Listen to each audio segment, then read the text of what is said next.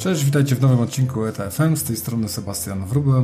Dominik Landa. No i dzisiaj będziemy podsumowywać sobie tydzień 45, a nagrywać te odcinki możemy dzięki naszym partnerom i sponsorom. Firmom takim jak Baltic Hub, czyli po starym TCT Gdańsk. Oczywiście największy terminal kontenerowy na Bałtyku, który, który dobrze znamy i kochamy. E, oprócz tego EQ Worldwide, wiodący kolodor ładunków drobnicowych i firma Balticon, czyli e, operator e, depotów i transport kontenerów drogą lądową. No a dzisiaj Dominik, powiem Ci, indeksy patrzę, to tak gdzieś w, w trakcie tygodnia obiło mi się o e, oczy jakiś post, że a, jak stawki szły do góry, to wszyscy o tym pisali, a teraz jak spadają, to nikt o tym nie pisze. E, no nie wiem, tak mam wrażenie, że, że w, w moim w, w, moim tutaj baloniku e, raczej same takie informacje, także czytam o tych spadkach e, dosłownie codziennie, no i tak samo e, o indeksach e, czytam codziennie, a to jest SCFI spadło 16%, a to jakiś inny ileś tam procent. Indeksy wszystkie są oczywiście mało skorelowane tak tydzień do tygodnia ze sobą, aczkolwiek wszystkie pokazują ten sam, ten sam trend, trend spadkowy, no i trend, który e, już w tej chwili analitycy podnoszą, że na Transpacyfiku, na imporcie z Dalekiego Wschodu do e, Ameryki Północnej już e, spadł poniżej poziomu sprzed pandemii.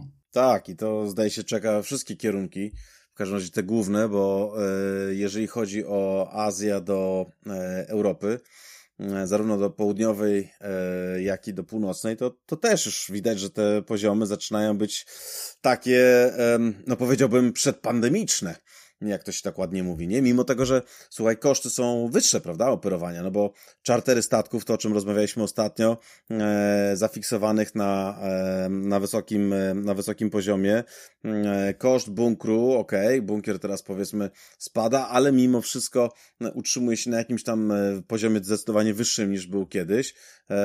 Koszty pracy, jakby nie było też, no a tutaj się okazuje, że niektórzy armatorzy, nawet tak jak gdzieś tam czytaliśmy, Mm, z Dalekiego Wschodu do Europy już przewożą za 2000 dolarów za FIU.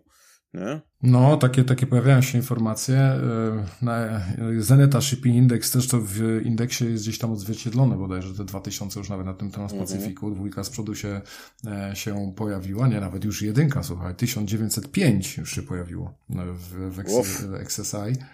E, jeżeli popatrzymy sobie na FBX-a, do którego gdzieś tam się najczęściej odnosimy, także już zostajemy przy tym jednym, bo to później można takiego trochę rozdwojenia jaźni dostać, jak zaczynałem porównywać jabłka do gruszek, e, no to jak popatrzę sobie na FBX, e, czyli według tej metodologii co zawsze, no to Suez, czyli importy z Dalekiego Wschodu do Europy Północnej, względem poprzedniego tygodnia 2% do góry i jest to poziom 4837 na indeksie, nie? To, to, to nie jest tak. oczywiście stawka fraktowa, ale to, to jest ten indeks, do którego się odnosimy.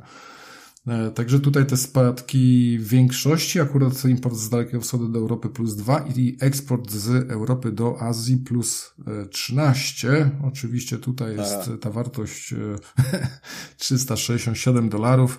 Czy jakby to ktoś kiedyś powiedział, raczej na dodatkach niż na frachcie, bo no to mniej więcej tyle dodatki jakieś i to tak naprawdę niskie wynosiły. Dokładnie. Ale zobacz, co ciekawe jest to, że powiedzmy o te 2%, niecałe 2% umocnił się, um, umocniły się frachty um, z Dalekiego Wschodu do Europy, ale na przykład północnej, ale znowu już do południowej dalej spadki, o 6% spadły. Czyli już teraz y, med spadł do poziomu 4669 dolarów. Mówimy tutaj cały czas o tym indeksie, gdzie Europa Północna była 4837.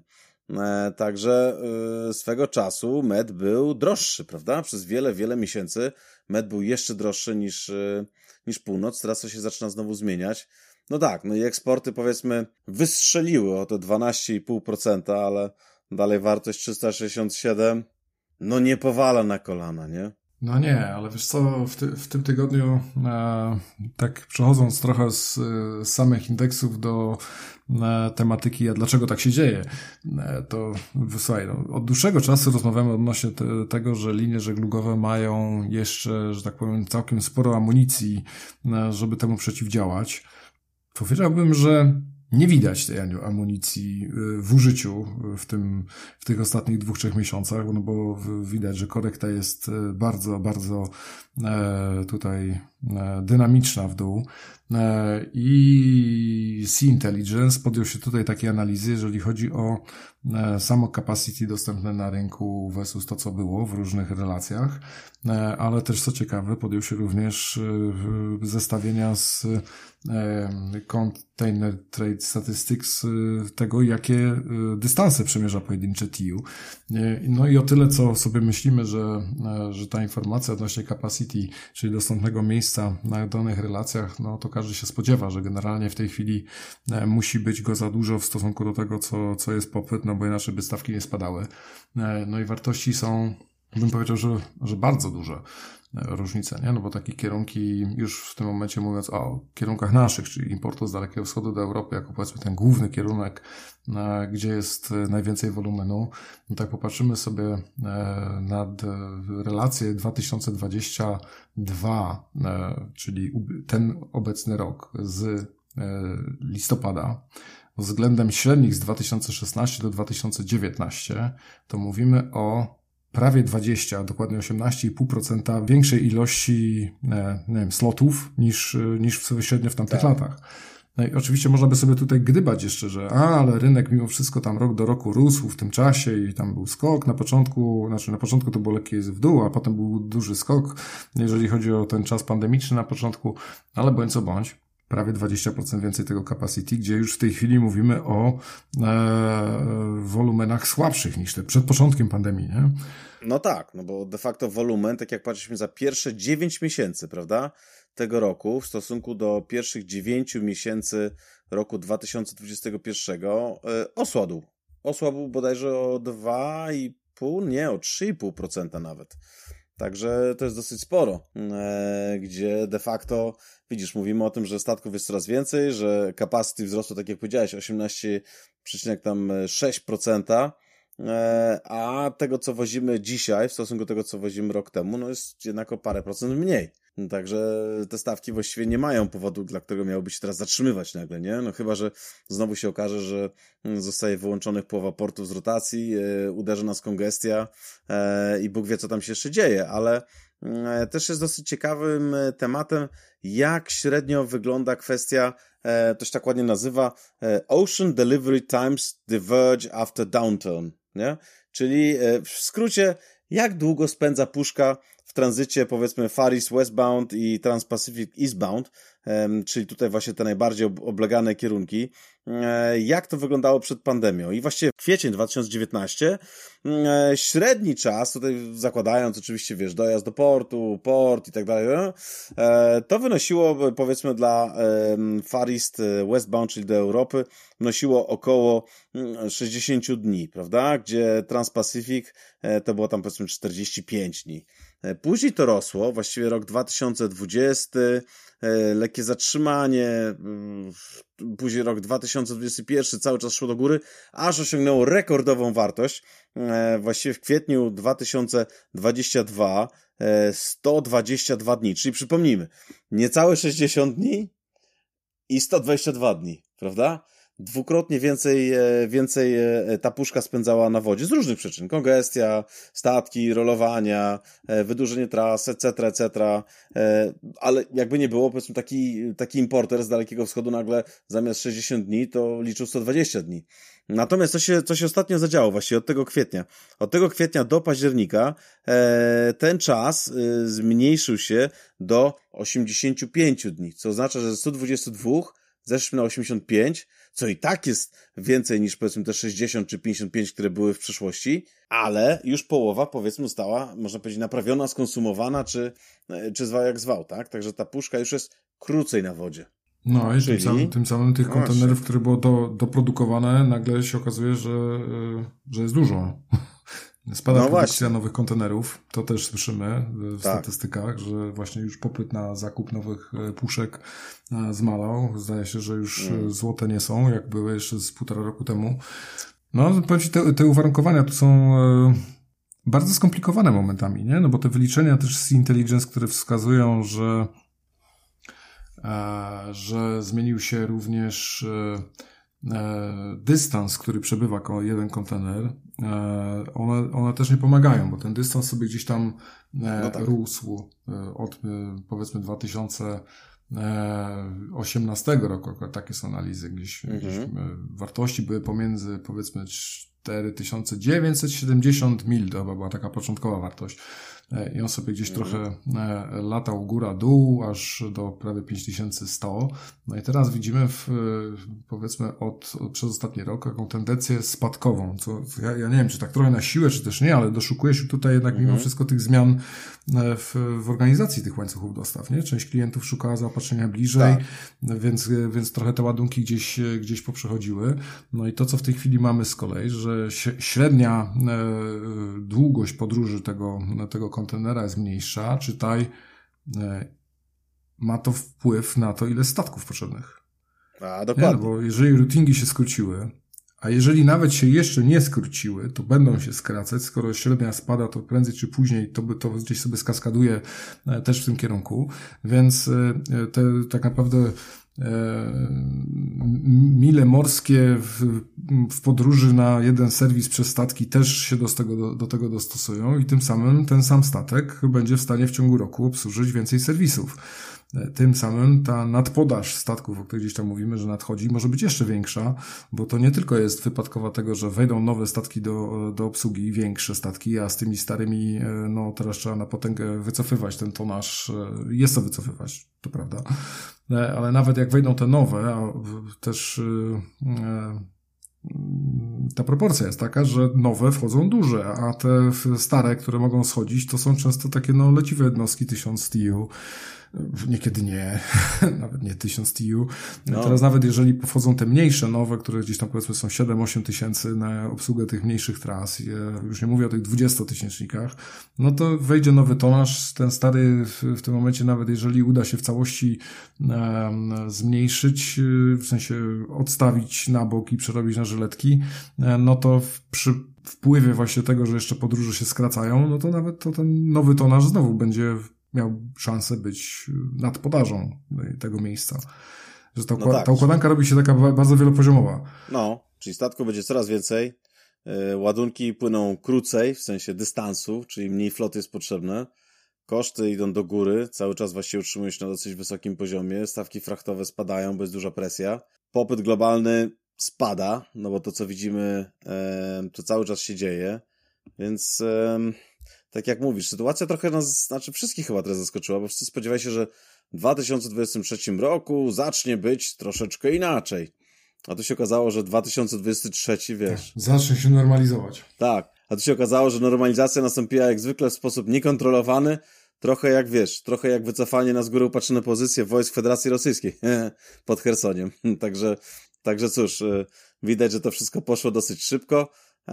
No i zobaczymy. No, wiesz, to co ciekawe, to tak, mówiliśmy o tym, że WOCL wykazuje, że jest gorsze wyniki były, Costco pokazuje, że są gorsze wyniki, armatorzy generalnie pokazują, że trzeci kwartał jest najgorszy, nie? I nawet sperytorzy, którzy generalnie zawsze się bronili, czy Kinenagel, czy, e, czy DSV też pokazują, że jednak parę procent te, e, te przychody spadły, czyli to zaczyna mieć odbicie nie tylko u armatorów, ale generalnie w całym rynku. No, tak byś... nie, nie, nie, nie, nie da się inaczej, wydaje mi się. To jest w tym momencie całość, całość rynku. E, co to, coś, co też przy, tutaj przywołuje z Intelligence i osobiście się też z tym zgadzam, że e, możemy tu mówić o jakiejś oczywiście, e, nie wiem, nie do końca fair rynku dla, dla importerów i eksporterów. W tym ostatnich dwóch latach, bo byli do wielu E, korekt, czy też podwyżek, nazywając rzeczy po imieniu, e, wręcz e, zmuszani i musieli akceptować. Jednakże branża jest też no, bardzo chłonna na inwestycje, które są potrzebne do zrobienia. Mówię tu o inwestycjach, które są proekologiczne, jeżeli chodzi o wymianę floty, nie ze względu na to, że trzeba czymś wozić, tylko o wymianę ze względu na emisję CO2 i tak dalej, tak dalej. Nie? Ty, tutaj jest e, bardzo dużo inwestycji do poczynienia i, i tak mam wrażenie, że już chyba w, naprawdę e, większość osób w branży tak ma taką cichą nadzieję, że, e, że te zyski, które zostały gdzieś tam wygenerowane w tych ostatnich dwóch latach jednak posłużą do tego, żeby te inwestycje ponieść, a niekoniecznie w tej chwili na budowanie tarczy przeciwko no, tym spadkom, które są na horyzoncie, a niestety przez to, że one są tak tak dynamiczne, to, to jestem w stanie się założyć, że większość firm w ten sposób już zaczęła kalkulować, że okej, okay, to e, teraz potrzebujemy jednak część tych e, zysków, które wygenerowaliśmy, no, zużyć na, na znormalizowanie tego, co będzie w przyszłości. No, no tak, ale to jest naturalna kolej rzeczy, nie? Bo Teraz w ogóle przedsiębiorstwa zastanawiają się nad tym, tak, no bo masz y, bardzo szybko rosnące ceny, inflacja, e, nie tylko w Polsce, generalnie na świecie. Mm, okej, okay. w Stanach pojawiła się informacja, że inflacja spada i rynek był w euforii. Mm, to jest informacja sprzed paru dni, natomiast no my niestety widzimy dalej, że inflacja rośnie. E, no i, i teraz tak, firmy mają do wyboru właściwie zrobić tak, albo produkować ten sam produkt, prawda, ale wycenić go drożej, albo, że tak powiem, zostawić cenę, która była z lekką korektą ewentualnie, ale troszeczkę ucierpi jakość, bo będzie, będą szukane oszczędności, no, albo zrobić miks obydwu. No i, e, i to różnie bywa. E, także zdaje się, że armatorzy wcale nie będą różni i też się będą zastanawiali, co z tym fantem zrobić, bo no statków będą mieli coraz więcej, nie wszystkiego będą mogli się wyplątać. E, podwyżek wymusić, tak jak powiedziałeś, przez ostatnie dwa lata już nie będą w stanie, no bo, bo teraz wszyscy będą, nie, że tak powiem, wiesz. Wręcz można się spodziewać, że to jednak importerzy, eksporterzy będą wymuszać obniżki, bo jedni się będą czuć bardzo e, pokrzywdzeni przez ostatnie dwa lata, inni e, no być może będą mieli taką potrzebę biznesową, bądź co bądź w jednym i w drugim przypadku pewnie ciężko będzie to wytłumaczyć, bo, no bo emocje, emocje będą brać górę gdzieś tam w tym wszystkim jeszcze. No, na pewno, poza tym jednak Słuchaj, żyjemy w kapitalizmie. Jeżeli jest możliwość wyciśnięcia jak najlepszych warunków, no to większość firm to zrobi. No przecież wszystkie firmy generalnie są zakładane po to, żeby przynosić maksymalny zysk swoim akcjonariuszom, prawda? No więc jeżeli masz możliwość zrobienia czegoś, co na przykład y, oznacza, e, wiesz, wyciśnięcie armatora na frachcie, zminimalizowanie czy zmniejszenie kosztów transportu, no to wszyscy to zrobią, no. I tutaj nawet, wiesz, nawet wydaje mi się nie będzie jakichś tam specjalnych ceregieli i tam zastanawiania się, że no lubię tego, czy lubię tamtego, tylko po prostu jest, wiesz, jest geszef do zrobienia i będzie zrobiony. Także ciężkie czasy nadchodzą. Ehm, że tak powiem, dla, dla armatorów. Widać wiele przetasowań, nie? W serwisach cały czas tydzień w tydzień e, duże zmiany. Co niektóre stare, stare, tak. że tak powiem, stare przedpandemiczne układy wracają do łask Widać, że e, na przykład CNC, który jest ramieniem Intra-Asia, CMA, e, powraca do e, współpracy z, z Linesem, gdzieś tam w ujęciu Japonia, South China, Tajwan i, na, i Tajlandia na koniec. Wiesz, jestem ciekaw, ile z tych rzeczy, które gdzieś tam się rozpadły w, w tych ostatnich nie, miesiącach i półtora roku, gdzieś teraz powraca, bo jednak to był sens, gdy był mniejszy wolumen, gdzie rynek inaczej wyglądał. Jeszcze trzy miesiące temu wszyscy krzyczeli, a, że to wszystko przez te alianse, przez to, że, że jednak mało graczy na rynku i to jest tu dominacja, oligopolizm i w ogóle, a widzimy, mm. że już w tej chwili idziemy na trajektorii, w której ten oligopolizm i, i właśnie te alianse i, i współpraca są kluczowe do tego, żeby prowadzić jakikolwiek zyskowny biznes.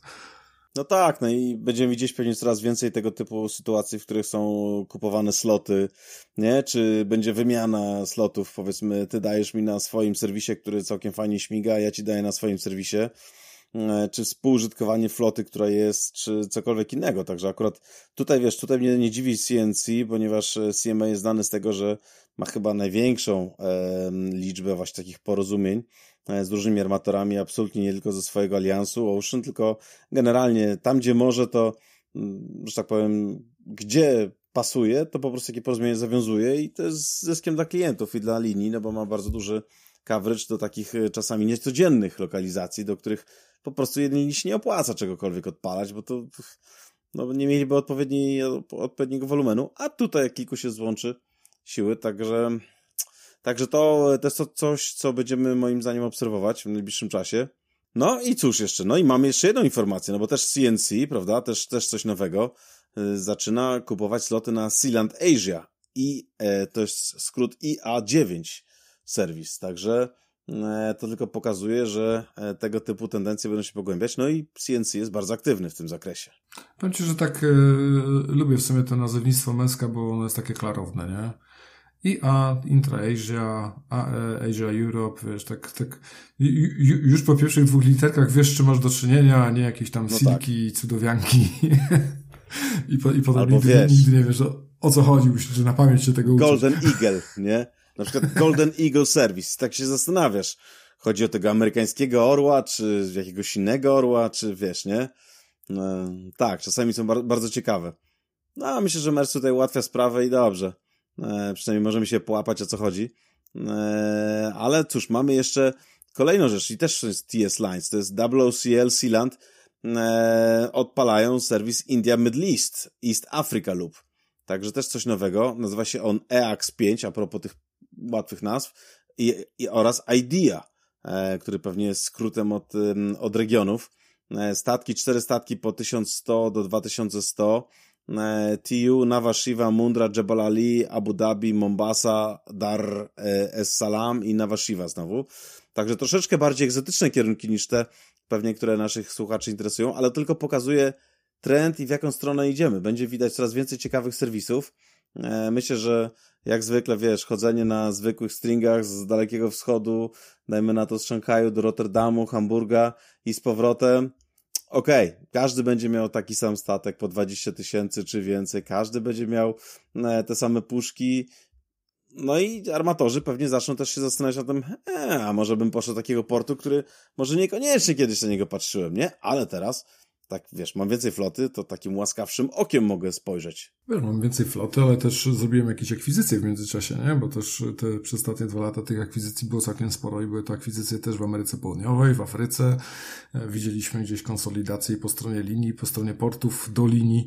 E, całkiem sporo się działo, no ale tak patrząc z perspektywy serwisów, może nie aż tak egzotycznych, ale przynajmniej jeżeli chodzi o owoce i warzywa egzotyczne, to e, MSC tutaj E, podjął decyzję o otwarciu nowego połączenia e, z, pomiędzy Ameryką, fu, a, Europą Północną i Zachodnią Afryką.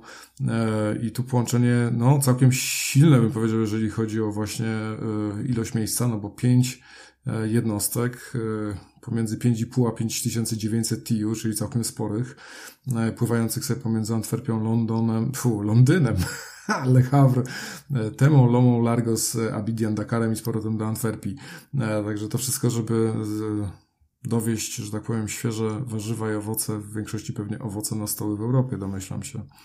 Nie ma takiego miasta Londyn. Jest tylko lądek. Zdrój.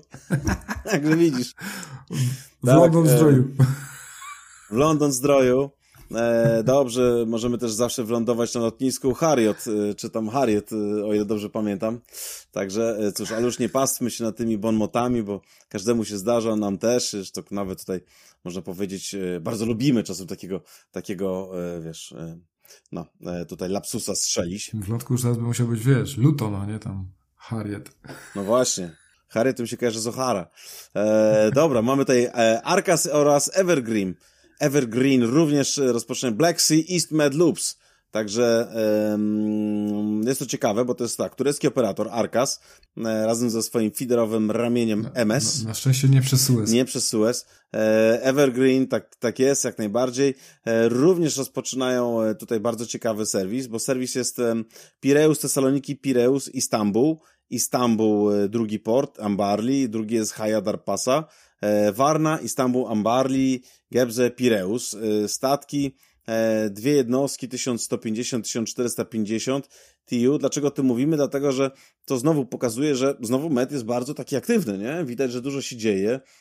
Sezon owocowy pewnie zacznie się za jakiś czas i już tutaj będą się pojawiały takie ciekawe połączenia, które w sumie dla polskiego rynku też mogą być interesujące. No bo wiesz, jeżeli powiedzmy coś z, z basenu Morza Śródziemnego, e, mówimy tutaj e, Izrael, północna, e, północna Afryka czy Turcja, no to na dobrą sprawę przypływasz do portu na południu czy Adriatyk, pach na ciężarówkę i jesteś po, po kilku tam godzinach już na południu kraju, także to też może być ciekawe. Ehm, no tak, mamy jeszcze tutaj, zdaje się, informacja o tym, że Itajai Itajaí, to się dokładnie nazywa, przepraszam, Itajaí, jak ostatnio zostałem poinformowany przez, przez przyjaciela z, z Brazylii, zostaje wyrzucone z jednego z lupów Med ECSA lub, no i znowu właśnie a propos tych pięknych, pięknych nazw. Jest to serwis, który jest obsługiwany przez CMA. To akurat wiadomo, ale wiesz, East Coast of America, nie? Tak, tak. Chociaż skrót się Ale zgadza, pytanie, wiesz, jak one są sprzedawane. no tak, mamy tutaj CMA, żyjemy dwa statki, Maersk Hamburg Süd cztery statki. E, obecny serwis to będzie Algeciras, Tangier, Santos, Paranagua, Rio Grande, Itapoa, Santos, Itaguay, e, Tangier i z powrotem Algeciras. No, ale oczywiście mamy też i newsy na temat e, jedynych słusznych radzieckich, e, przepraszam, rosyjskich e, operatorów. E, także pojawiają się takie tuzy biznesu kontenerowego jak firma Transmasters LLC, który otworzył serwis z Qingdao, Lianyungyang, Taikang oraz Guangzhou e, do Rosji. Tutaj mówimy o Ustłudze oraz Sankt Petersburgu. Statek o pojemności 1700 TIU będzie płynął sobie, że tak powiem, tutaj pod banderą Transmasters. To, co ciekawe, słuchaj, ostatnio patrzyłem sobie, raz w miesiącu sobie e, jak wygląda. E, tak, raz w miesiącu. E, i z, ostatnio sobie patrzyłem, wpadł w moje łapki informacja o tym, jak wyglądają przeładunki w portach w e, Usłudze i w Sankt Petersburgu. No i powiem szczerze, dalej są one na niskim, szorującym dno poziomie. E, ale co się wybija, to jest jeden armator, który cały czas pływa i bardzo dużo ruchu generuje. I powiem szczerze, nawet w, ostatnich, e, w ostatnim e, miesiącu, mówimy tutaj o październiku, to de facto zrobił 90% obrotu. Ale jaki to armator, to zostawię, zostawię tej, e, że tak powiem, domysłom. Jest to bardzo ciekawa informacja. Natomiast, natomiast tak, jest to, jest to o tyle ciekawe, gdyż e, wydawało mi się właśnie, że tych armatorów będzie kilku, a się okazuje, że właściwie większość wycofała e, swoje serwisy. Także, no cóż. Wiesz, teraz będzie drugi. No tak, teraz będzie drugi. Mamy jeszcze, co to jest? Mamy Arctic Container Line. My God. To jest e, mrożona ryba chyba. Taki wątek powiązany. Tak jest. E, wątek powiązany, natomiast tutaj mamy... Chociaż może nie, e... takie połączenia widzę tu no, norwesko-niemieckie bardziej. Tak, to raczej dlatego tylko, że jest zimno powiązany mm. chyba. Eee, bo generalnie mówimy tutaj o serwisie lub e, który miałby chodzić e, statkiem 700 TIU, Bremerhaven, Hamburg, Egersund, Haugesund, Tananger, Bergen, Floro, Malloy, Allesund i z powrotem do Bremerhaven. Drugi lub statek niewiele mniejszy, 650 TIU, Rotterdam, Egersund, Haugesund, Tanger, Bergen, Flora, Malloy, Allesund i Rotterdam. Normalnie czuję się, jakbym błądził palcem teraz po mapie e, północnej Europy, nie? Tak, e, wiesz, tak tyle nas miejscowości, prawdopodobnie z lupą trzeba by było poszukać, e, bo może by było nie znaleźć tak na ten. Ja tak e, patrzę rozpiskę tych dwóch lupów i tak wiesz, mi się przypomniały takie rysoneczki, znajdź pięć różnic. bo w tych całych, bo w tych no dwóch właśnie. lupach doliczyłem się tak naprawdę tylko jednej różnicy. Wielkość statku? Port wyjścia w Europie. W jednym jest Bremen, Bremerhaven i Hamburg, a w drugim jest Rotterdam. I to wszystko, cała reszta płynie tak samo. No widzisz, no, widać, że ten, że mrożona ryba ma się dobrze. Tak, także no cóż, generalnie a... mówimy o połączeniu Norwegii z e, portami niemieckimi i e, Norwegii po, w połączeniu z Rotterdamem, jeżeli chodzi o obydwa serwisy. No tak. E, mówiliśmy już też o, o tym, że troszeczkę wolumen spadł w pierwszych dziewięciu miesiącach tego roku. Może warto też przybliżyć naszym słuchaczom, co spadło najbardziej, co, e, co że tak powiem, e, trochę mniej, bo raczej spadki są wszędzie. E, mamy na przykład e, tutaj takie zestawienie, generalnie spadek przeładunków kontenerowych za pierwsze 9 miesięcy w stosunku do 9 miesięcy zeszłego roku to jest 2,3%, także dużo, niedużo. Jeżeli chodzi o międzykontynentalne... E, global, tak. E, międzykontynentalne, powiedzmy tutaj prze, przeładunki to jest 3,5%. E, regionalne trzymają się nieźle, bo jest 0,1% wzrostu nawet czyli powiedzmy ta Intra-Asia czy Intra-Europe e, jakoś tutaj trzymały, ale e, w dużej mierze e, jednak bardzo mocno odczuły to tak. Europejskie rynki, mamy Europa minus 6,4%, północna Ameryka, tutaj mówimy o eksportach z, czyli eksporty z Europy 6,4% spadły, Ameryka Północna również. Far East też spadł, co ciekawe, o 3%. Także, także to. Natomiast mm, jeżeli chodzi o importy na przykład Europy, minus 5%, sporo. Spodziewałem się, że będzie mniejszy spadek, wiesz? Minus 5%, mm. tak się mówi, ale generalnie przez 9 miesięcy to tych importów do Europy było mm, de facto 18,6 miliona TIU. Także spadek, y, no, prawie o milion TIU, nie? To tak, wbrew pozorom jest dosyć, dosyć dużo. Tak, mówisz tutaj o pierwszych y, trzech kwartałach, no, no to, no to te spadki, bym powiedział, jeszcze są takie, y, wiesz, uratowane przez pierwszą połowę roku, nie? Jak popatrzymy sobie o na liczby już z samego września. No niestety tu pościsk jest nieubłagany, jeżeli chodzi o dostęp do statystyki. No więc mówimy cały czas o wrześniu, jeżeli o to chodzi. No i jeżeli mówimy o wrześniu, o importach z Dalekiego Wschodu do Europy, to mówimy o to wartościach rzędu minus 20%. Jeżeli mówimy o importach z Azji we wrześniu do Ameryki Północnej, to jest minus 24%. Nie? I teraz oczywiście ten zeszły no tak. był rozgrzany i, i, było dużo i w ogóle, no ale to, to, to należy gdzieś tam mieć pewnie z tyłu głowy, aczkolwiek no to, to są po prostu te wartości, które wychodzą względem zeszłego roku. No i niestety, jak sobie popatrzymy z kolei na eksporty z Europy, no to one nie, nie wyglądają też e, e zbyt optymistycznie, no bo im eksporty z Europy do Azji minus 15%, intra-Europe minus 13,7%. Tu mówimy pewnie o tym skonteneryzowanym e, oczywiście handlu, niekoniecznie na trakach, a to jest przeważająca większość oczywiście po Europie e, i na ten temat się nie będziemy wypowiadać, aczkolwiek e, dalej patrząc, eksporty z Europy do Ameryki Północnej i tu jest taki mimo wszystko na minusie, ale nie aż tak duży spadek, bo to jest minus 2%. E, do Australazji, czyli gdzieś tam Australia, Oceania, minus 3. Jedyny tak naprawdę eksport, który urósł z Europy do e, we wrześniu, to jest e, Middle East i India Subcontinent e, i to jest plus 6,3%. Powiem Ci, zaciekawiła mnie ta wartość, że akurat ten jeden kierunek jest na plusie. No, no. a później patrząc eksporty za, z Europy do Afryki i do Ameryki łacińskiej kolejno minus 3,2% i też minus 19,1% i e, suma summarum spadki we wrześniu e, prawie minus 9%. No. No, no to jest, wiesz, ogromna pogłębia wartość, się. nie? No. Tak, pogłębia się i to niestety będzie widać i w portach i w przeładunkach, które obserwujemy, no ale patrząc, słuchaj, a propos, przechodząc tak gładko do, do przeładunków e, w naszym największym terminalu na Bałtyku, mówimy tutaj o Baltic Hubie, dawne DCT Gdańsk, E, to tak, sytuacja, jeżeli chodzi o statki, generalnie statki e, wchodzą na czas. E, trochę tak wiesz, 20 plenum spółdzielni Zenum, nie? Wszyscy przychodzą w czasie i nie wiadomo za co się zabrać. Ale jeżeli chodzi o, o sytuację na, na terminalu, no to tak, mamy E, informacje o tym, że średni czas składowania zaczyna iść do góry. Mówimy tutaj o sytuacji w tygodniu 44 z opóźnieniem delikatnym. Także znowu e, importy idą do góry, czyli stoją dłużej. Eksporty 6,1 dnia. E, puste teraz spadają, co może oznaczać mniej więcej tyle, że po prostu puste są ewakuowane.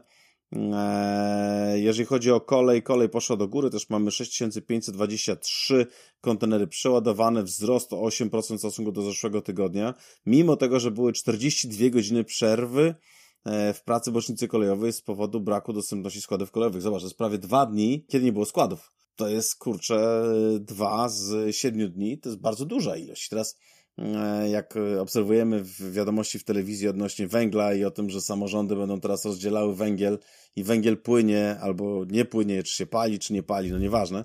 E, w każdym razie najwidoczniej ma to dosyć duże, że tak powiem, obóż, znaczy, inaczej wpływa to bardzo mocno na sytuację na, na, na kolei, bo skoro pociągów intermodalnych nie ma, to albo ładunku było za mało, a w to jakoś nie chce się wierzyć w tej chwili, chociaż może być go trochę mniej niż było, niż było poprzednio.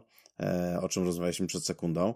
Mm, no, ale też pewnie dalej jest dosyć napięta sytuacja, jeżeli chodzi o przeładunki i przewozy na, na kolei ładunków sypkich. No tutaj mówimy głównie o węglu, nie? Zima się zbliża, zima za pasem. Mamy temperaturę, która gdzieś tam oscyluje w granicach tam kilku stopni, aż patrzeć, aż będzie minus, także no, ścigamy się trochę z czasem. Mam nadzieję, że wszyscy zdążymy, no, ale cóż, yy, system naczyń połączonych, prawda? Kontenery jeżdżą po tych samych torach co węgiel i pociągi pasażerskie i cała reszta, także Jeden ma wpływ na drugie i na trzecie. Ale powiem Ci, że cie, cie, ciekawy wątek podjąłeś, nie? Z, z, perspektywy tego, czy nie brakuje wolumenu, bo jednak patrząc na aktywności gdzieś przewoźników drogowym w ostatnim czasie, gdzie no, przez długie miesiące przyzwyczailiśmy się do raczej walki o miejsce u przewoźnika, żeby coś dostarczyć, a teraz nagle przewoźnicy sami się odzywają, a może by Tobie coś przewieźć, E, no to widać, jak ten rynek się przewrócił do góry nogami. No i tak w sumie jestem ciekaw, czy wiesz, czy, e, czy jednak e, tego wolumenu takiego stabilnego, żeby utrzymać wszystkie połączenia tak jak były wcześniej, wciąż jest na wystarczająco dużym poziomie. Być może już co niektórzy operatorzy intermodalni jednak mają problemy z tym. Myślę, że. Zwłaszcza myślę, jak pewnie trzeba więcej za niego zapłacić. No tak, no bo wiesz, e, koszty idą do góry. E, przestoje wagonów. Koszty prądu poszły do góry, nie? Koszty Jeszcze. prądu, prawda? Także to wszystko zaczyna mieć swój wpływ i teraz z perspektywy tego, że transport drogowy borykał się z brakiem kierowców, bo część e, kierowców z Ukrainy wróciła e, walczyć o swój kraj, e, także był duży niedobór, zresztą w całej Europie jest jeszcze niedobór kierowców, to jeszcze trochę Intermodal ratuje, nie? Ale gdyby powiedzmy była nadpodaż kierowców i stawki przewozowe byłyby bardzo mocno że tak powiem, zduszone z uwagi na wysoką konkurencję, no to wtedy myślę, że moglibyśmy obserwować zdecydowanie większy wpływ na intermodal, mimo oczywiście całej, e, całej e, w tej chwili akcji, e, bardzo słusznie, która prowadzi do tego, żeby, e, żeby powiedzmy promować rozwiązania proekologiczne, e, no to po prostu niestety koszty są jakie są i klienci też pewnie nie chcą płacić dużo więcej za coś, co no tak nie do końca może e, wychodzi zgodnie z ich potrzebami. Na przykład niewypełnione składy, e, czy konsolidacja składów, bo na przykład e, zamiast wysłać trzy pociągi, to wysłać dwa, także ten czas dostępności kontenerów też będzie troszeczkę dłuższy, no bo powiedzmy dwa odejścia w tygodniu to nie codzienne no, jakby odejście samochodu ciężarowego, nie? który dojeżdża bezpośrednio do twojego magazynu, powiedzmy. Więc tutaj e, też się szykuje walka na ziemi, można powiedzieć, nie tylko na wodzie. Mhm. Na powiem Ci, że przechodząc do, do floty, to też ciekawe rzeczy się zaczynają dziać, bo e, pierwsza informacja Regional Container Lines, czy RCL, e, co prawda dostał w, do zwodowania 11 850 TU Santi Boom, jednakże ten, że ta, także jednostka nie będzie pływać pod wcale marką Regional Container Lines, bo została w, od razu oddana w długoterminową dzierżawę do Zima. A ja tak powiem Ci szczerze, tak RCL to tak raczej traktowałem jako gdzieś tam linię żeglugową, a nie taki typowy charter, który gdzieś oddaje swoje, swoje statki dalej. Nie wiem, czy no, słusznie. Powiem Ci, że nasze definicje do tej pory przyjęte mogą być bardzo płynne w nadchodzącym roku. Zacierają się. Bo Zacierają się, no wiesz, zobacz, y, znowu, rozmawialiśmy o tym y, ostatnio, że y, część dużych klientów BCO stwierdzili, że no a co mi tam będę, wiesz, będę płacił takie olbrzymie pieniądze za, za przewóz kontenera, sam mogę to sobie zrobić. Część, że tak powiem, skończyło na, na mówienie o tym, że to zrobią, część to zrobiło. No i teraz pytanie, nie? Czy jak przewozisz tylko swoje puszki, czasami możesz mieć problemy na przykład z zapełnieniem statku w drugą stronę, Dajmy na to, że jesteś dużym importerem e, i generalnie masz ładunek w jedną stronę. No to pytanie, czy to dalej zostanie. Więc tutaj wydaje mi się, że, że tutaj może być dużo zmian, wiesz? Szczególnie, że armatorzy będą przymuszeni do tego, żeby szukać rozwiązań, no bo wiesz, nabrałeś floty na przykład, no i teraz e, nie masz tyle ładunku, bo generalnie ładunku będzie mniej, to coś trzeba myśleć, nie? No, z, nim widać, że cały czas jest głodny na tonaż. Podobnie e, Matson zamawia trzy jednostki po 3620 TU. Wydawałoby się, że to już koniec zamówienia, jednak one będą cały czas e, się e, dziać. I tak samo CMA CGM zamawia cztery sztuki po 24 tysiące, czyli mega maxy napędzane LNG nowe zamówienie, czyli będzie rosło. I tu mowa o LNG, nie o metanolach, które gdzieś tam powiedzmy w ostatnich tygodniach już się przyzwyczailiśmy do tego, że pojawiają się nowe zamówienia na metanolowe. To, tu mówimy już, rzekłbym prawie o, o konwencjonalnym zasilaniu. nie jest to oczywiście typowo konwencjonalne LNG, no już tak trochę weszło w podstrzechy, bym powiedział. No, ale przechodząc dalej mhm.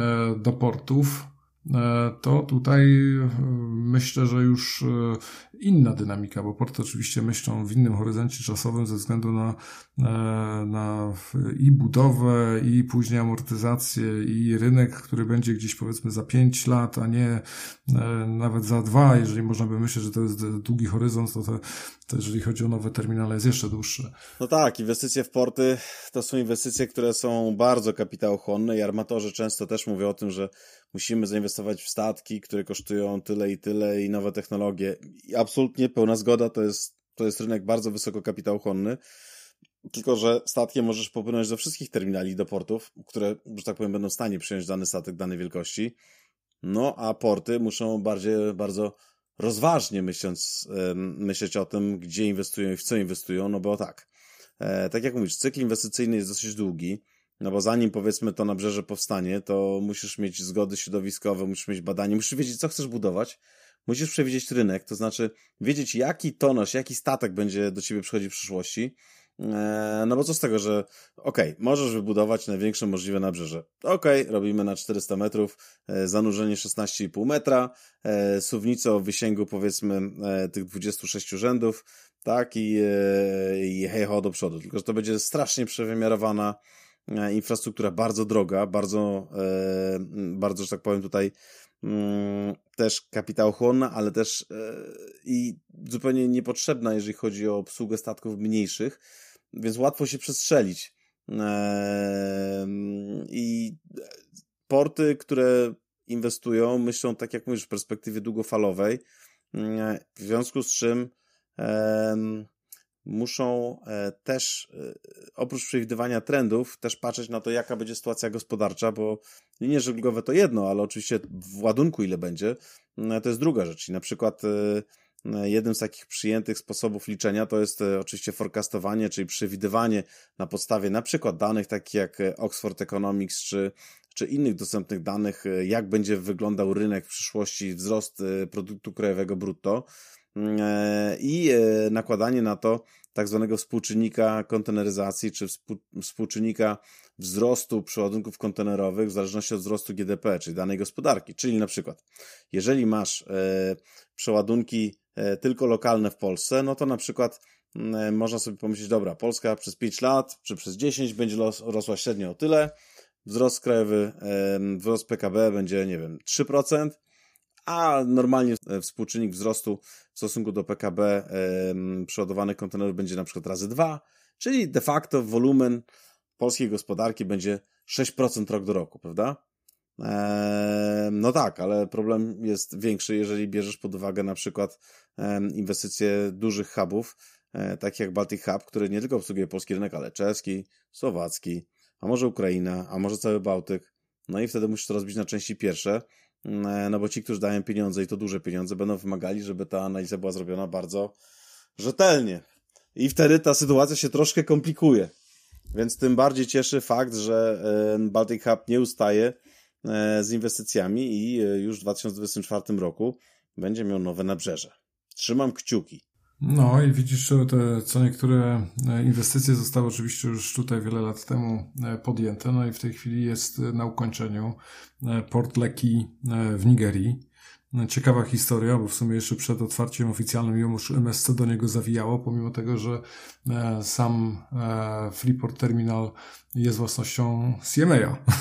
Także tak czasem czytasz te informacje i mówisz, o, okej. Okay. No ale widać, że MSC się chyba bardzo tutaj spieszyło pod, pod kątem obsługi e, tak. rynku nigeryjskiego.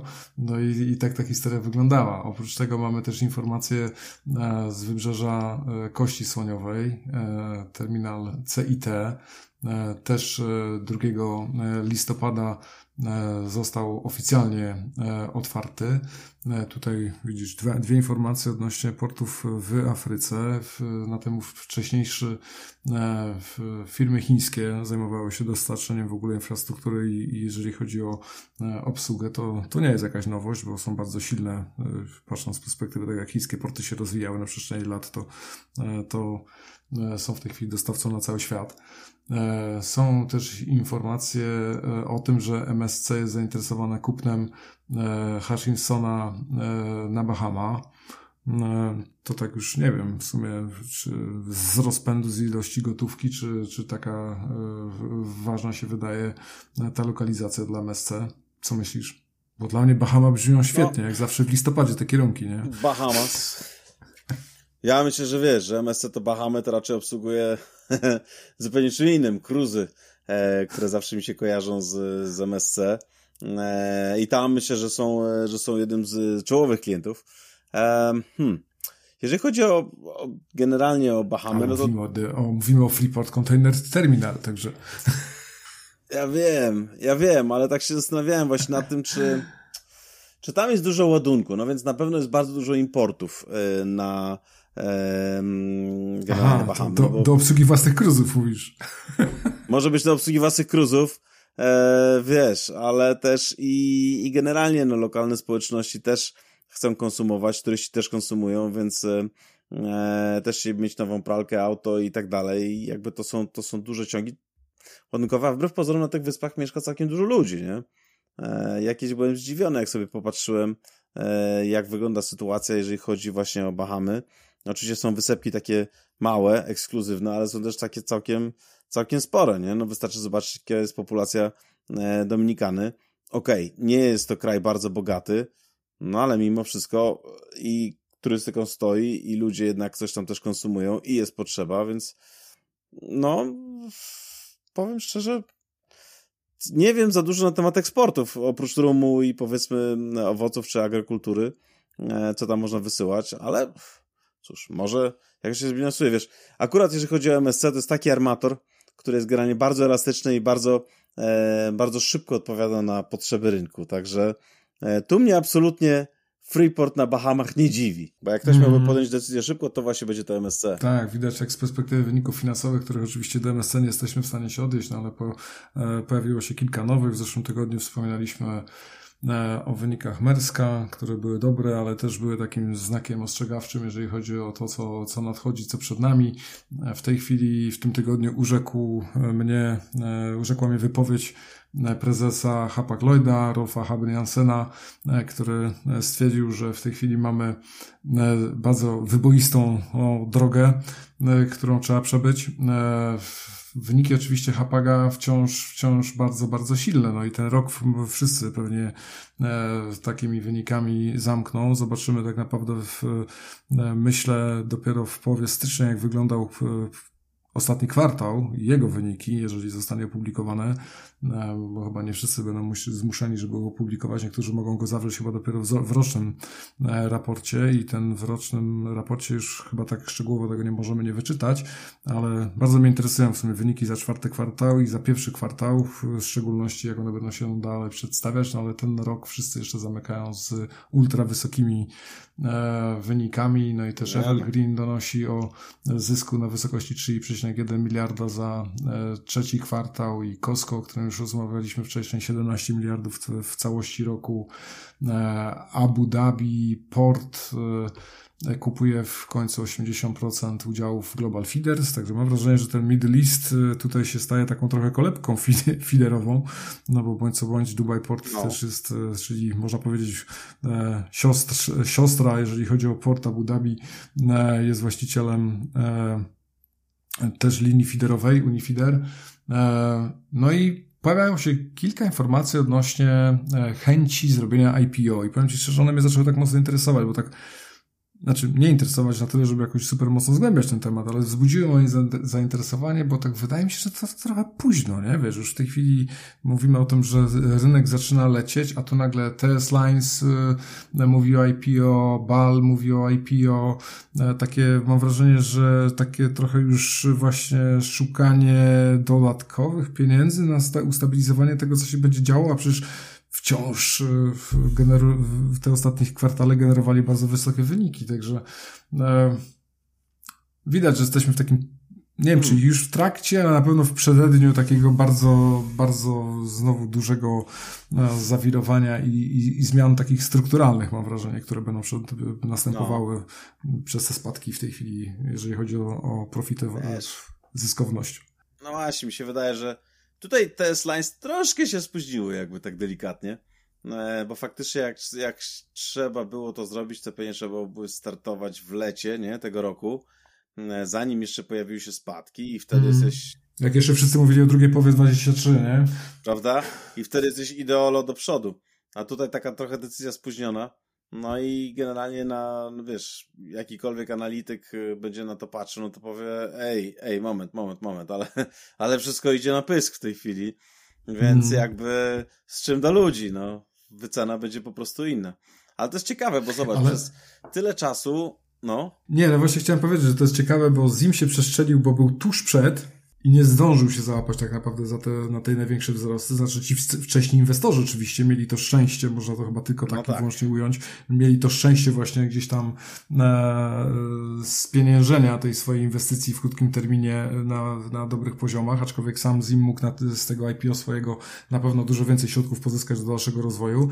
E, a teraz pojawiają się informacje IPO, które już są jakby za późno, także w tym takim nie wiem, zło, złotym punkcie, w najlepszym momencie, kiedy można było to robić, e, jakoś nikt nie był zainteresowany mam wrażenie. Co nie? Ani nikt nie sprzedał udziałów, zobacz, bo przecież rozmawialiśmy o Hyundai Merchant Marine i rozmawialiśmy o e, CMA, który przecież też właścicielem jest pan Robert Ildirim e, w jakiejś tam części, tak? E, I e, Hapag Lloyd przecież była mowa o tym, że swego czasu gdzieś tam ktoś będzie chciał wychodzić i miasto Hamburg nic się nie zadziało, nie? A w tej chwili mhm. rynek idzie w dół. Więc jak można było się mhm. pieniężyć, sprzedać i powiedzieć sayonara, albo wiesz, Auf Wiedersehen, albo jakkolwiek w innym narzeczu, no, to chyba duża część się spóźniła z tym.